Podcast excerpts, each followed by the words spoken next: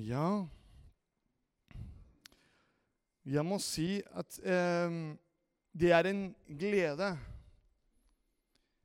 å være her igjen og kunne holde mikrofon og tale, forkynne, formidle evangeliet sammen, fysisk. Fordi det har vært eh, ja, vanskelig i de to siste årene med kamera og en liten eh, rød plikt som sier at den eh, går. Og, og jeg bare ser den skjermen, og er ikke noe respons. Her, se, jeg kan se dere, og dere kan se meg. Og da kan det bli den dynamikken. Da blir respons hele veien. Det håper jeg virkelig i kveld. At vi kan være sammen på dette her, som jeg tror Gud har lagt i mitt hjerte. Det er et budskap som tror er så aktuelt og relevant for alle oss. Spesielt som vi på en måte hørte til innledning både med Magne og Juli. Høsten. Så det er eh, veldig spesielt at nå går vi inn i høsten. Og nå imidlertid, altså Jeg sier imidlertid fordi bare Gud vet hva som kan skje i de dagene som kommer. Men som vi ser gjennom nyhetene og, og alt, også, i hvert fall her i Norge, vi kan fremdeles samles fysisk. Selvfølgelig vi må huske å forholde oss til de restriksjoner som myndigheter har sagt. Og det tror jeg vi som menighet har vært utrolig flinke. Så ikke bare her på Betania, men jeg tror generelt i Bamble. Vi har vært eh, veldig flinke. Jeg ser her, for her er det veldig oversiktlig, noen som jeg hadde ikke sett på lenge, Eva. Og Dere vet ikke hvem er Eva, men eh, jeg sier det fordi Eva er en eh, dame nå. Fordi før det var sånn, eh, vi var i ungdomsgjengen når jeg var ungdomspastor. Og nå snakker jeg om ca. tror jeg mellom 12-14 år siden. Når jeg ikke engang kunne snakke norsk. Så hvorfor sier jeg Eva? Fordi Eva det var den personen som mens jeg talte på engelsk, hun tolket til norsk. Så hvis jeg kan si det sånn, Eva Du var min personlige tolk. Hver søndag. Var det ikke det? Halleluja, det er bra. Det er godt å høre fra Eva, som sier at nå snakker jeg bedre norsk enn før. Fantastisk, Eva. Gud velsigne deg. Og hjertelig velkommen til oss. Om du har en venninne, velkommen til deg også. Jeg tror jeg har altså jeg har oversiktlig her også. Resten tror jeg jeg har sett før her. Så det er veldig godt å se alle dere. Hvis dere kan begynne nå med sin Bibel, Bibelen. Lukas kapittel 3 vers 10-14.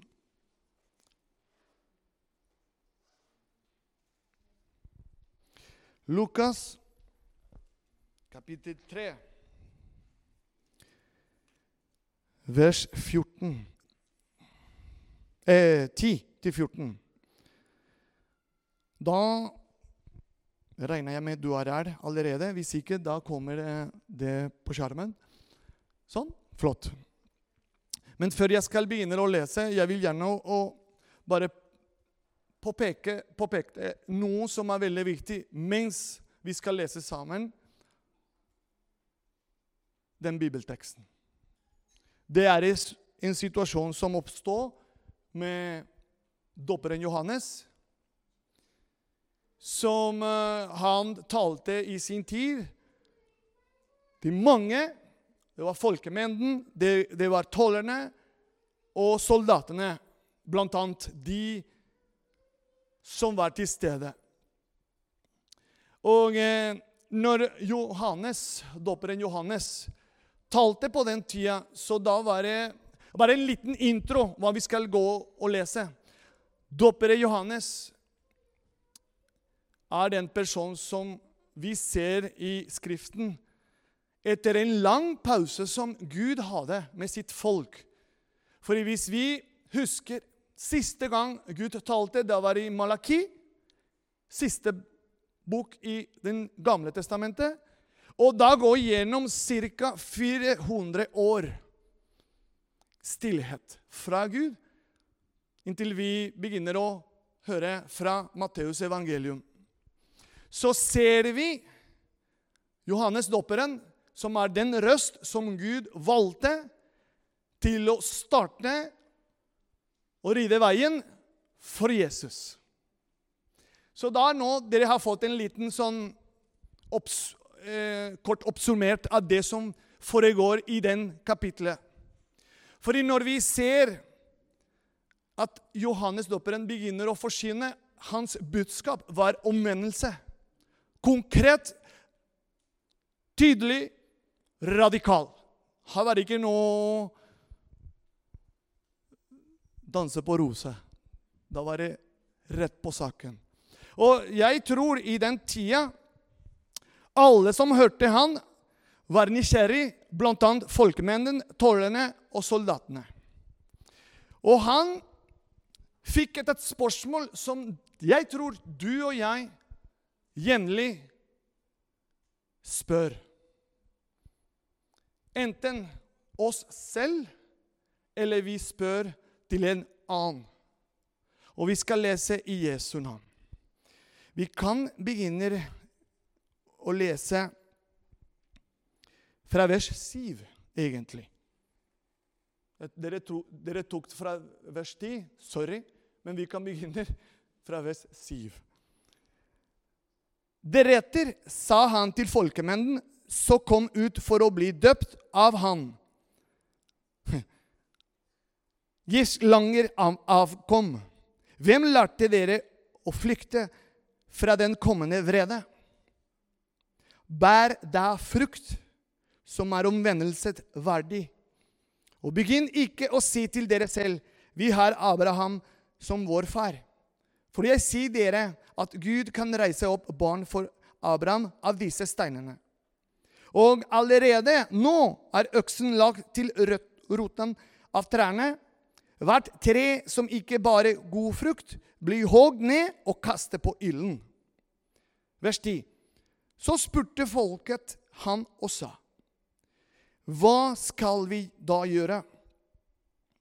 Han svarte og sa til dem, Den som har to kjøtler, skal dele med dem som ikke har noe. Og den som har mat, skal gjøre på samme måte. Da kom også tollerne for å bli døpt, og de sa til ham, Mester, hva skal vi gjøre? Og han sa til dem, krev ikke inn mer enn det som er pålagt dere. På samme måte spurte også soldatene han og sa, Og hva skal vi gjøre? Han svarte dem, dere skal ikke plage noen eller komme med falske anklager, og vær tilfreds med deres lønn.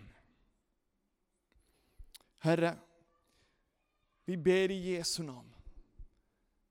Og det er ditt ord, Herre, som vi har lest nå, med frimodighet, med forventninger, Herre. At det våre hjerte, Herre, vi ber at det våre hjerte skal være mottagelig. At det din Hellige Ånd skal åpenbare disse ordene som vi har lest, Herre som jeg tror virkelig du har lagt i mitt hjerte. At vi kan lære av deg. At vi kan gå gjennom de dørene, Herre, på en helt annen måte som vi kom inn. At vi kan bli forvandla av din kraft, Hellige Ånd. At du kan hjelpe oss og ser, Herre. Og anerkjenner at det er du som snakker til alle oss. Derfor ber jeg i frimodighet, Herre Salve mitt hode, Herre. Salve min munn, mitt hjerte, Herre. La alle disse tre elementer her koble seg på med din hellige ånd. Og la ikke mine tanker være en hindring, Herre, av det du allerede har planlagt for alle oss i kveld. Hjelp oss, Herre, i Jesu navn. Og alle folk sier amen.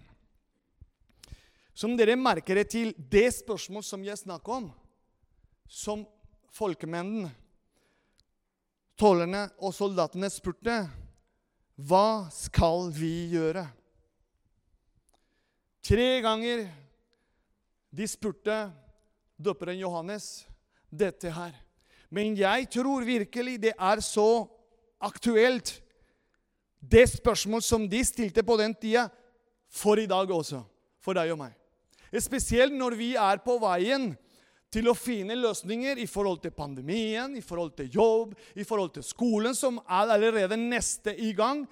Så det er mange ting som du og jeg spørrer. Ok, da. Nå skal vi begynne høsten. Hva skal jeg gjøre? Det er individuelt et spørsmål. Og når det blir kollektiv, da blir det hva skal vi gjøre som menighet? Og så, Jeg tror ikke du hadde vært her dersom du ikke stilte deg selv det spørsmål. Enten i dag eller i går eller i løpet av den uka som har gått, som du så opplysninger. På søndag er det møte på Betania. Så måtte du Ok, hva skal jeg gjøre? Derfor sitter du her. Fordi du bestemte å komme hit.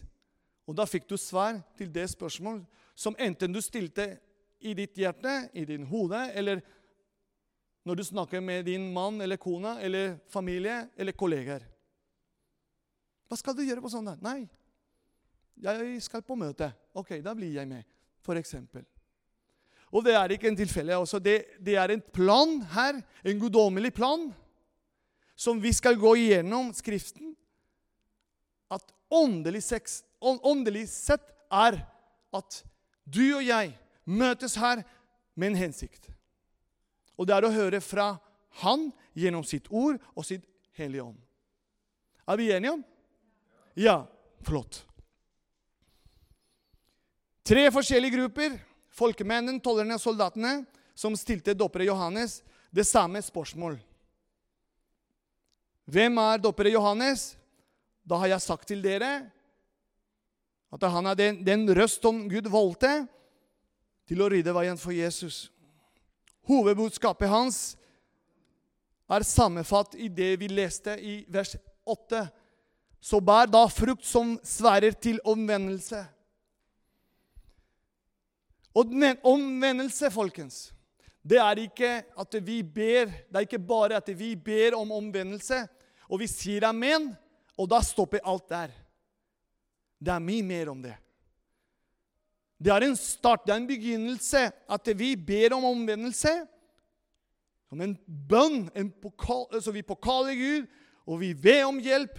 At han skal hjelpe oss til å vende oss til det på en måte han har allerede sagt i sitt ord. Gjerningene våre skal vitne om at vi lever annerledes når vi lever for Han, for Gud. Og det er det som går hånd og hånd. Når vi ber om omvendelse, det må være frukt av det vi har bedt til Gud, og la Han til å forme livene våre som Han vil. Ikke som vi tror vi vil.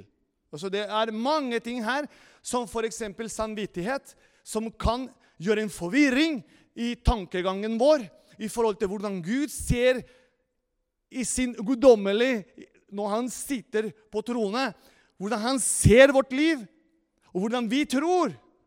Kanskje det ses veldig fint her, men det er ikke egentlig kanskje det Gud her ser for deg, for seg, i forhold til ditt liv og mitt liv. Og da kommer det spørsmål, folkens. Hva skal jeg gjøre? Han gir ikke folket et nytt mål å oppnå. Han viser en, en ny måte å leve på. Doppere Johannes han gir ikke folket et nytt mål å oppnå.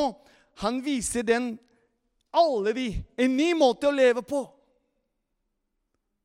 Og det er den måte som Gud vil for deg og meg.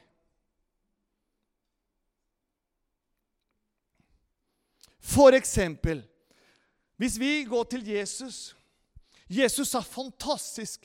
Han, han bruker hver anledning til å forklare, til å undervise, til å lede på en naturlig måte. Som vi kanskje strever av og til til å prøve å være flinke til å bruke fine ord, til å kanskje få med oss de fleste. Men dessverre, folkens, det blir veldig vanskelig. Jesus, selveste Jesus Kristus, Guds sønn, Han klarte ikke det. Han forsynte Guds ord. Han underviste. Han lærte. Han gikk og vandret midt i folkemennen. Men det var ikke alle som bestemte å følge han. Det var mange som sa nei, det der er ikke for meg. Vi må regne med det, folkens. Men han elsker alle. Det er vi enige om. Men han kan ikke tvinge alle. Han kan ikke gjøre det. Han gjør ikke det.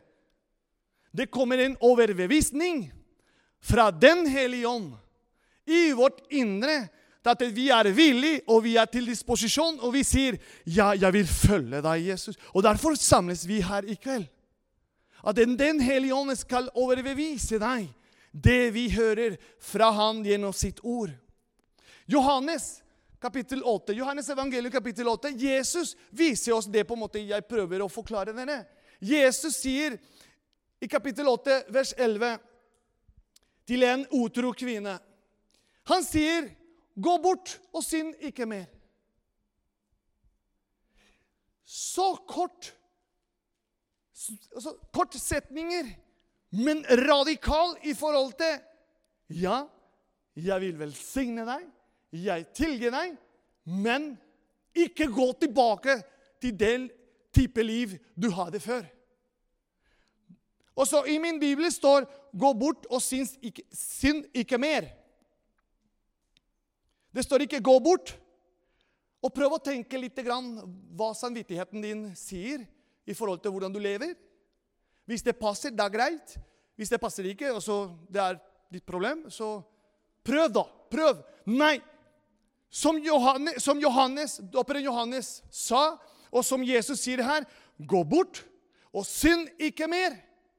Da tror jeg hun skal ha en helt annen livsstil etter sitt møte med Jesus. For han tok det bokstavelig.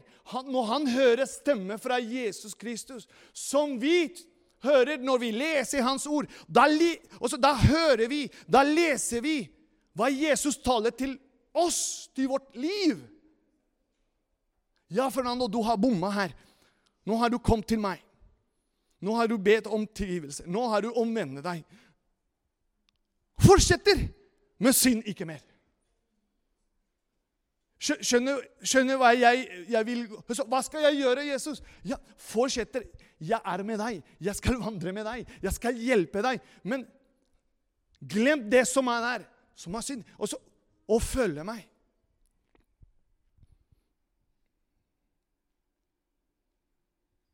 Om noen vil komme etter meg, da må han fornekte seg selv hver dag. Ikke når det passer. Det står om noen vil komme etter meg. Det er Jesus som sier disse ordene. Om noen vil komme etter meg, da må han fornekte seg selv og hver dag ta sitt kors opp og følge meg. Lukas 9, 23. At vi skal ta opp vårt kors og døde disse tankene før de blir til synd. På denne måten følger vi Jesus forbilde i å bli friste, med, men uten synd. Når vi tar på alvor disse ordene, folkens, og ved Den hellige ånds hjelp Fordi vi klarer ikke, vi har ikke sjans til å gjøre dette sjøl, våre egne krefter. Det går ikke. Vi kommer for kort. Vi blir frustrert. Vi blir sliten. Depresjon kommer inn i bildet. Fordi vi klarer ikke, vi har mista kontroll, og vi, vi, klarer ikke. Men vi, vi la Den hellige ånd, spesielt i disse tider, pandemier, forvirring, ustabilitet Det er så mange ting som er usikre. Og hvis vi ikke går nærmere til Han, som har det svar som alle oss trenger. Hva skal vi gjøre? Hva skal jeg gjøre? Hva skal jeg gjøre på mandag? Hva skal jeg gjøre i morgen?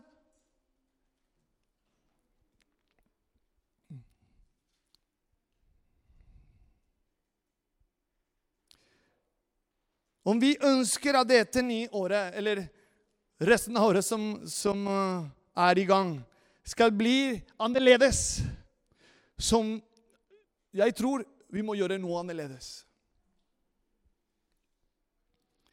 Men det betyr ikke nødvendigvis en ny arbeidsplass. Nei. Eller et nytt produkt, eller en ny tjeneste. Det er en måte vi lever på. Hvis vi lar Han påvirke ved, ved Hans ånd i vårt liv, det blir annerledes, folkens. Det blir helt noe annet. I stedet for å arbeide intenst for et nytt mål, som mange av oss gjør det Og så hør, hør meg rett. Mange av oss, og så inkluderer meg selv, inkludert meg selv Jeg har vært der. I stedet for å arbeide intenst, og så arbeide, arbeide, arbeide. Dette må vi klare. På et nytt mål. Så la oss først være forpliktet til måten vi lever og arbeider mot målet. La Han forme oss. Måtte vi vandre, måtte vi går, måtte vi snakke, måtte vi ser, måtte vi hører. Det blir helt annerledes. Det blir en helt annen tempo i hverdagen vår. Jeg sier ikke vi skal bare sitte på sofa så la, OK, Gud, nå, skal, nå er jeg Nei, ikke misforstå meg. I stedet for å arbeide intenst for et nytt mål, så la oss først være forpliktet til måten vi lever, og arbeide mot målet. Døperen Johannes sa til folket, til de, tollere, de folkemennene Del klær, mat, det du har med, de som ingenting har. Det er det ene. Ikke opptre i en økonomisk gråsone til tollere, der du lurer andre mennesker for penger. Tollere gjorde det i sin tid. Derfor Johannes dåperen. Enkel, men tydelig. Til soldatene ikke bruk din maktposisjon til å prese og utnytte andre mennesker. Vær fornøyd med lønnen din og det du har. Livet er mer enn å jage etter mer penger. Er du fornøyd, vil du erfare at gleden i livet ligger i en annen sted enn i materielle verdier. Dette sa Johannes til soldatene, fordi han visste hvordan de soldatene oppførte seg på den tida. De brukte makten til å utnytte folk, misbruke makten.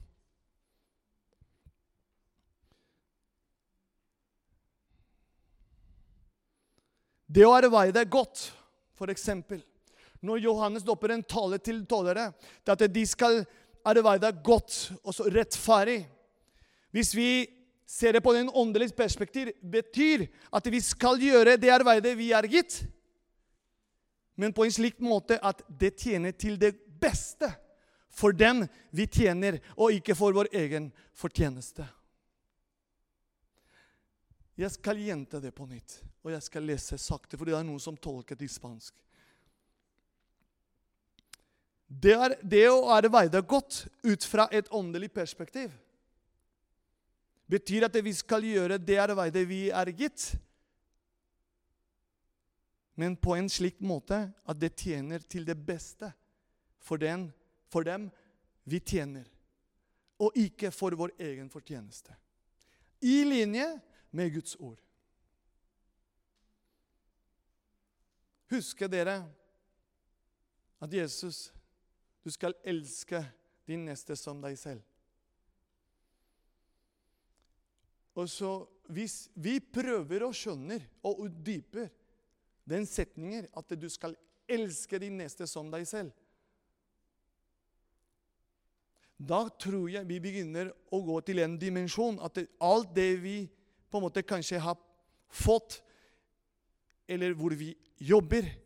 Alt det vi gjør, vi prøver å gjøre på en måte for å velsigne min neste. Alt det du og jeg har fått lov til å være med i denne tiden Det jeg prøver å si, er rett og slett er at der hvor du er Prøv, eller la Gud gjøre at du er en kanal for å velsigne de som er rundt deg. At de kan på en måte komme til deg og si, 'Vet du hva, jeg vet ikke hva skal jeg gjøre.' Da vet du hva han skal gjøre, eller henne. For da har du fått åpenbart Hvem som, har, som kan gi det et riktig et svar i forhold til det spørsmålet? Fordi det er det på en måte vi har begynt å praktisere i vår familie.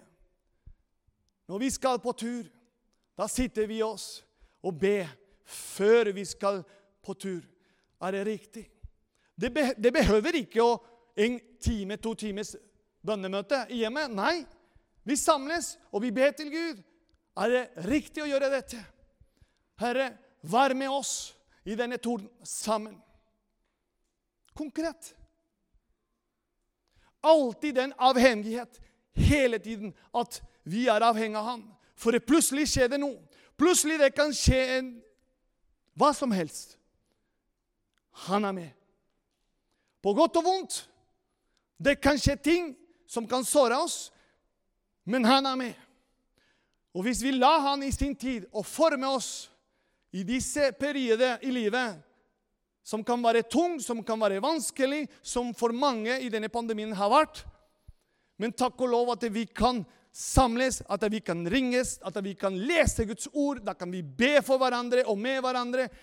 Da kan vi støtte hverandre i den tida vi lever. Hva skal vi gjøre? Hva skal jeg gjøre?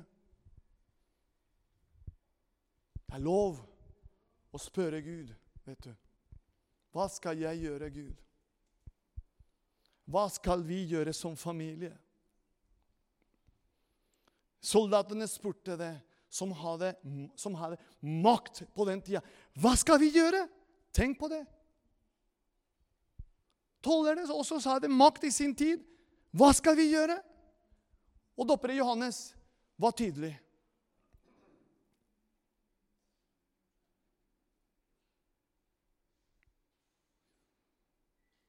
Det er mange ting. Jeg tror jeg skal dele det også. Soldatene på den tida gjorde mange gale ting blant folk. Og de aldri var fornøyd. Uansett. De var ikke fornøyd. De brukte makten gang etter gang for å utnytte folk, for å slå folk, for å gjøre ondt. Og de var ikke fornøyd med det. Og det er i vårt natur, egentlig. Jeg ber til Gud at jeg blir beskytta i mitt hjerte og mine tanker. At jeg skal alltid underlegge meg i det Den hellige ånd ber meg til å formidle til, til oss. At det er ikke at hvis noen kommer til meg Fernando, jeg kjenner Nei, det er, ikke, det er bare jeg som kjenner. For jeg har hørt den misbruk av makt i menighetssammenheng. Jeg har vært der, og mange mennesker har blitt såra pga. de har misforstått den posisjonen som Gud har kalt til hver enkelt av oss, er for å velsigne andre, og ikke bare for å misbruke makten. Og Det er det soldatene gjorde, og derfor de spurte Men all det vi har hørt, eh, dopper Johannes, hva skal vi gjøre med det? Og han var tydelig. Vær fornøyd med det dere har fått, og ikke misbrukt makten. Bli rettferdig. Mer og mer. Det med penger, det med makt. Men det er én ting som jeg ser her at Johannes Dobberen sa. Tilfredshet. Det kan gjøre mulig at det, dette med makt Tilfredshet er ikke en destinasjon vi ankommer når vi endelig bestemmer oss for at vi har nok. Tilfredshet er et valg om at uansett hva vi har, så er Gud nok.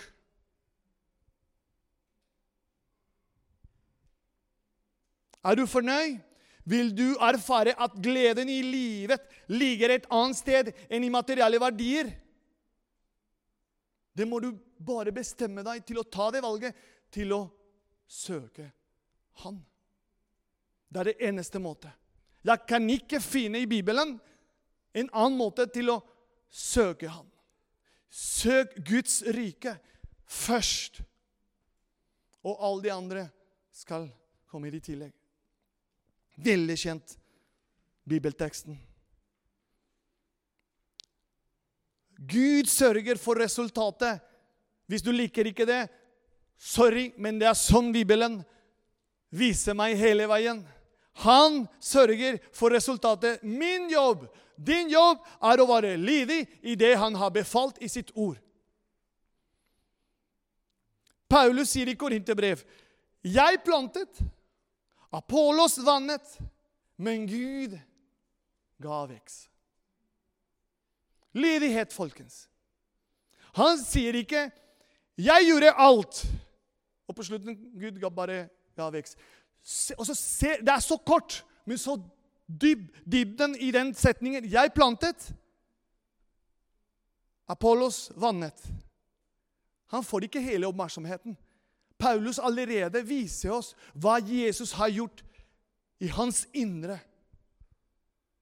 Han la Den hellige ånd forme måten han nake.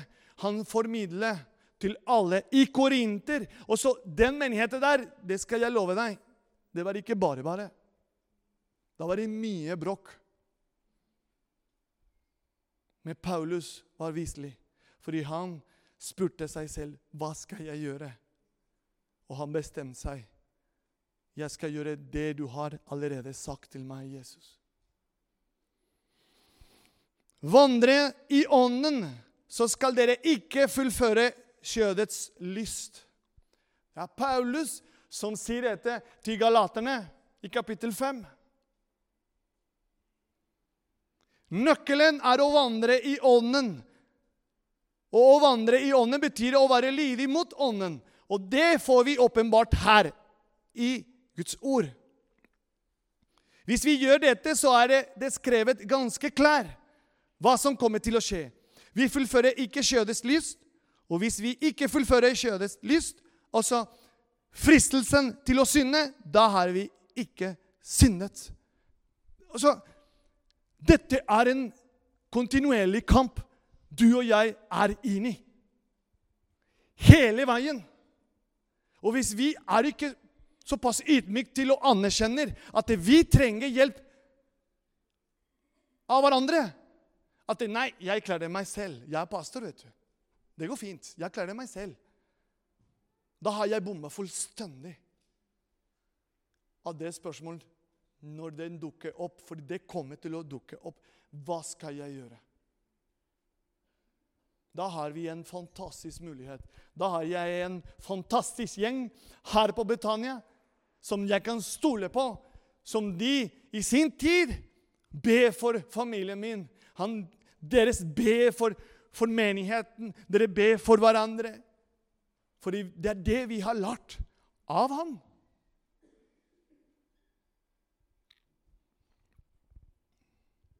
Uavhengig av om en oppnår målet eller misliket i å nå det, så har ikke Gud forandret seg.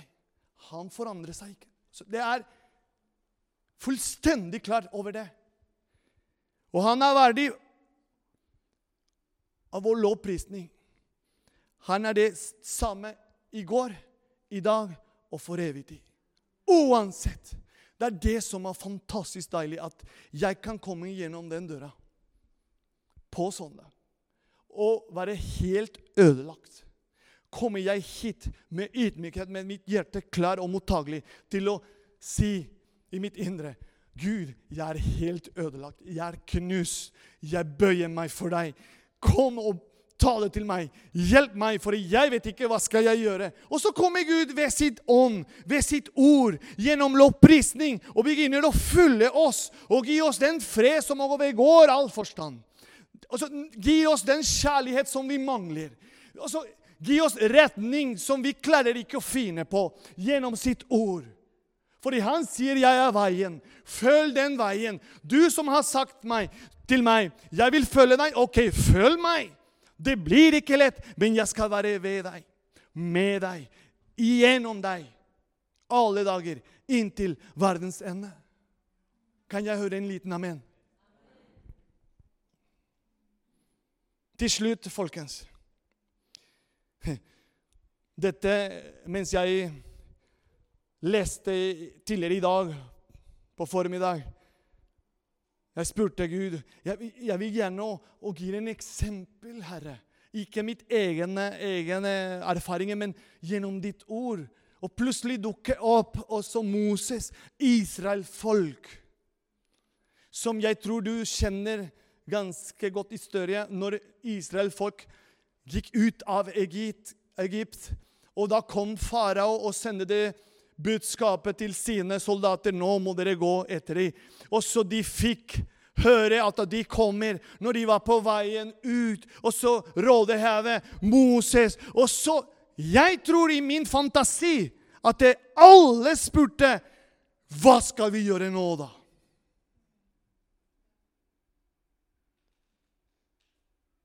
Nå har vi gått ut.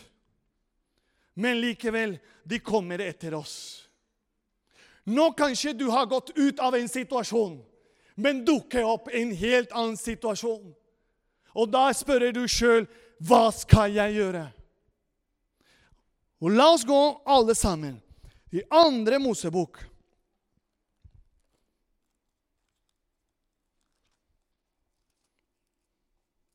Andre Mosebok, kapittel 14, vers 10.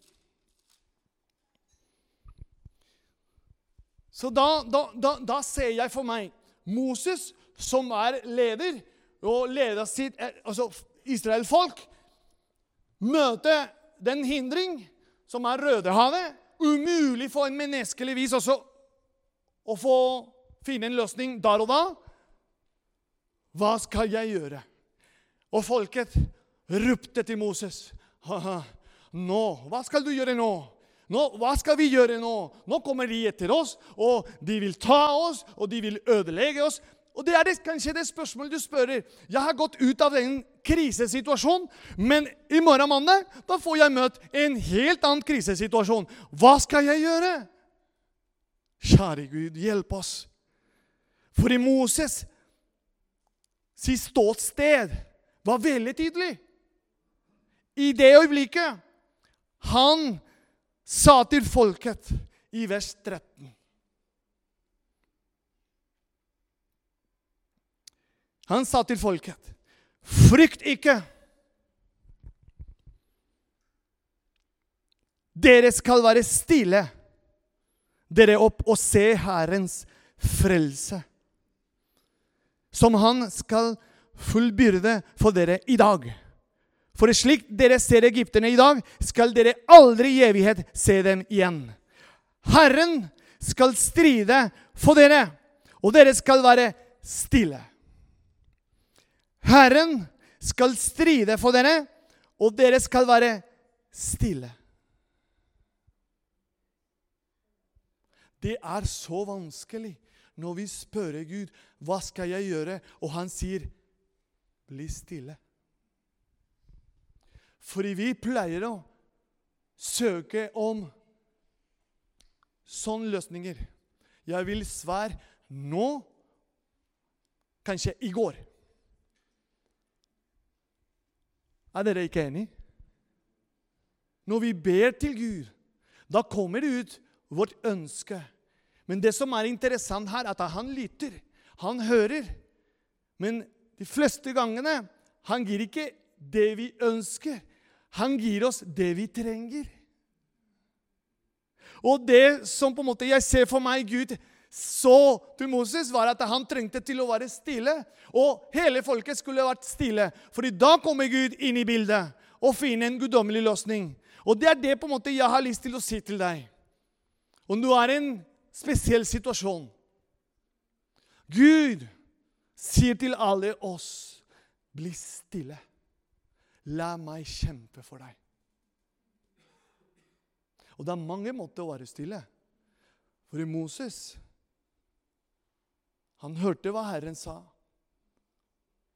Men han gjorde det Gud ba han til å gjøre, ikke hva han tenkte. Lovsangteam kan komme fram og hjelpe meg med dette her.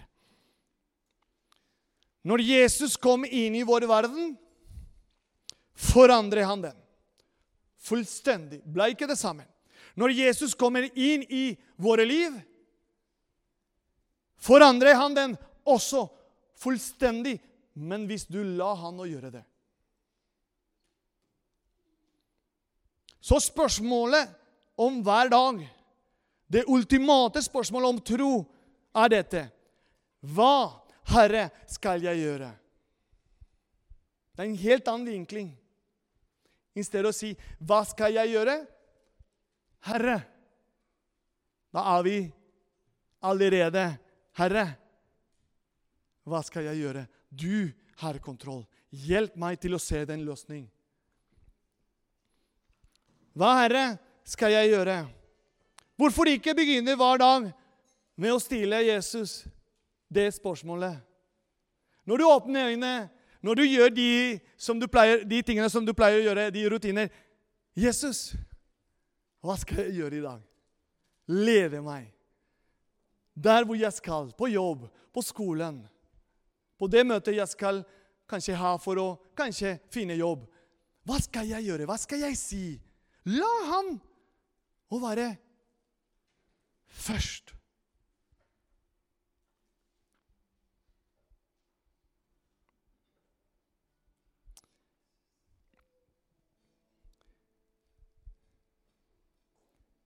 Igjen, til slutt, hvis alle oss kan reise oss alle sammen Frykt ikke. Frykt ikke. Herren skal stride for dere. Frykt ikke. Kan du bare si det som er ved siden av deg eller bak deg eller foran deg? Så, si det fordi du mener det. Frykt ikke. Frykt ikke, jenter. Gutter. Frykt ikke, Nikisa og Emily. Herren skal stride for dere.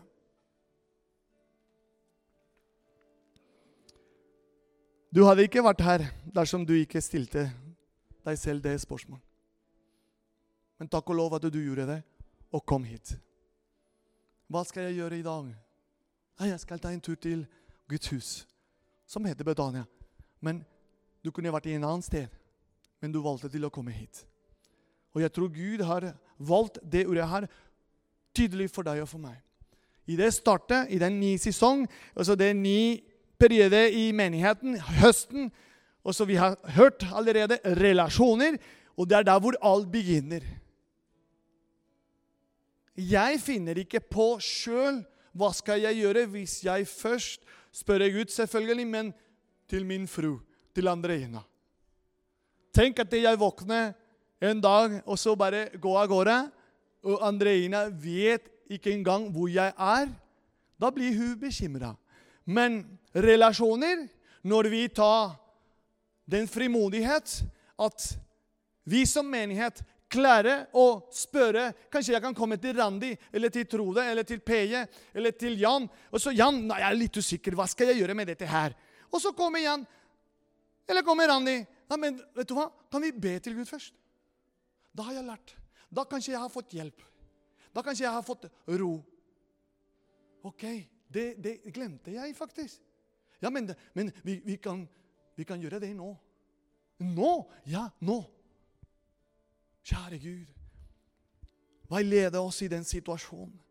Jeg vet ikke hva skal vi gjøre. Fernando har spurt meg hva skal han gjøre, men, men vi velger til å spørre deg, Herre, hva skal han gjøre? Lede ham. Og så plutselig kommer Gud og sier bli stille. Jeg skal stride for deg. Jeg skal åpne Rødhavet for deg. Hæ? Jeg skal være med deg alle dager. Fernando, alle dager. Jeg skal være med deg. Madeleine, jente der.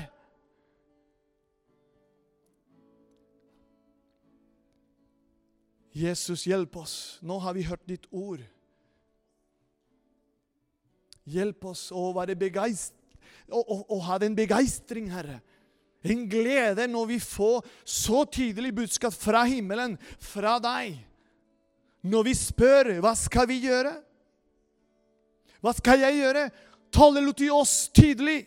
Spør meg først. Jeg vil lede deg ved min ord, med din ånd. Jeg skal gi deg ro. Jeg skal lede deg i riktig retning. kanskje i dine øyne er det ikke riktig å gjøre det og det og det, men i mine øyne, i mine øyne åpenbarer jeg det til deg. Gjør det i tro. Jesus, vi priser ditt navn og takker deg for denne forsamlingen her, Herre. Og takke deg, Herre, for en ny sesong som kommer. Høsten. Vi er med forventninger på deg, Jesus. Vi priser ditt navn og ære deg, Jesus. Velsigne hver enkel, Herre. Hvert familie som har valgt til å spørre deg hva skal vi gjøre nå i høsten. Lede hver enkel som spør individuelt hva skal jeg gjøre. Lede dem til å søke deg først. Til å finne en forsamling, en fel, et, en, et, sted hvor det kan være fellesskap. Hvor alle kan elske hverandre som vi er. Som jeg tror, Herre, vi er mennesker som er knust, og som trenger hjelp fra deg stadig. I Jesu navn jeg ber om, Herre. Da kan vi prise Gud sammen. Amen.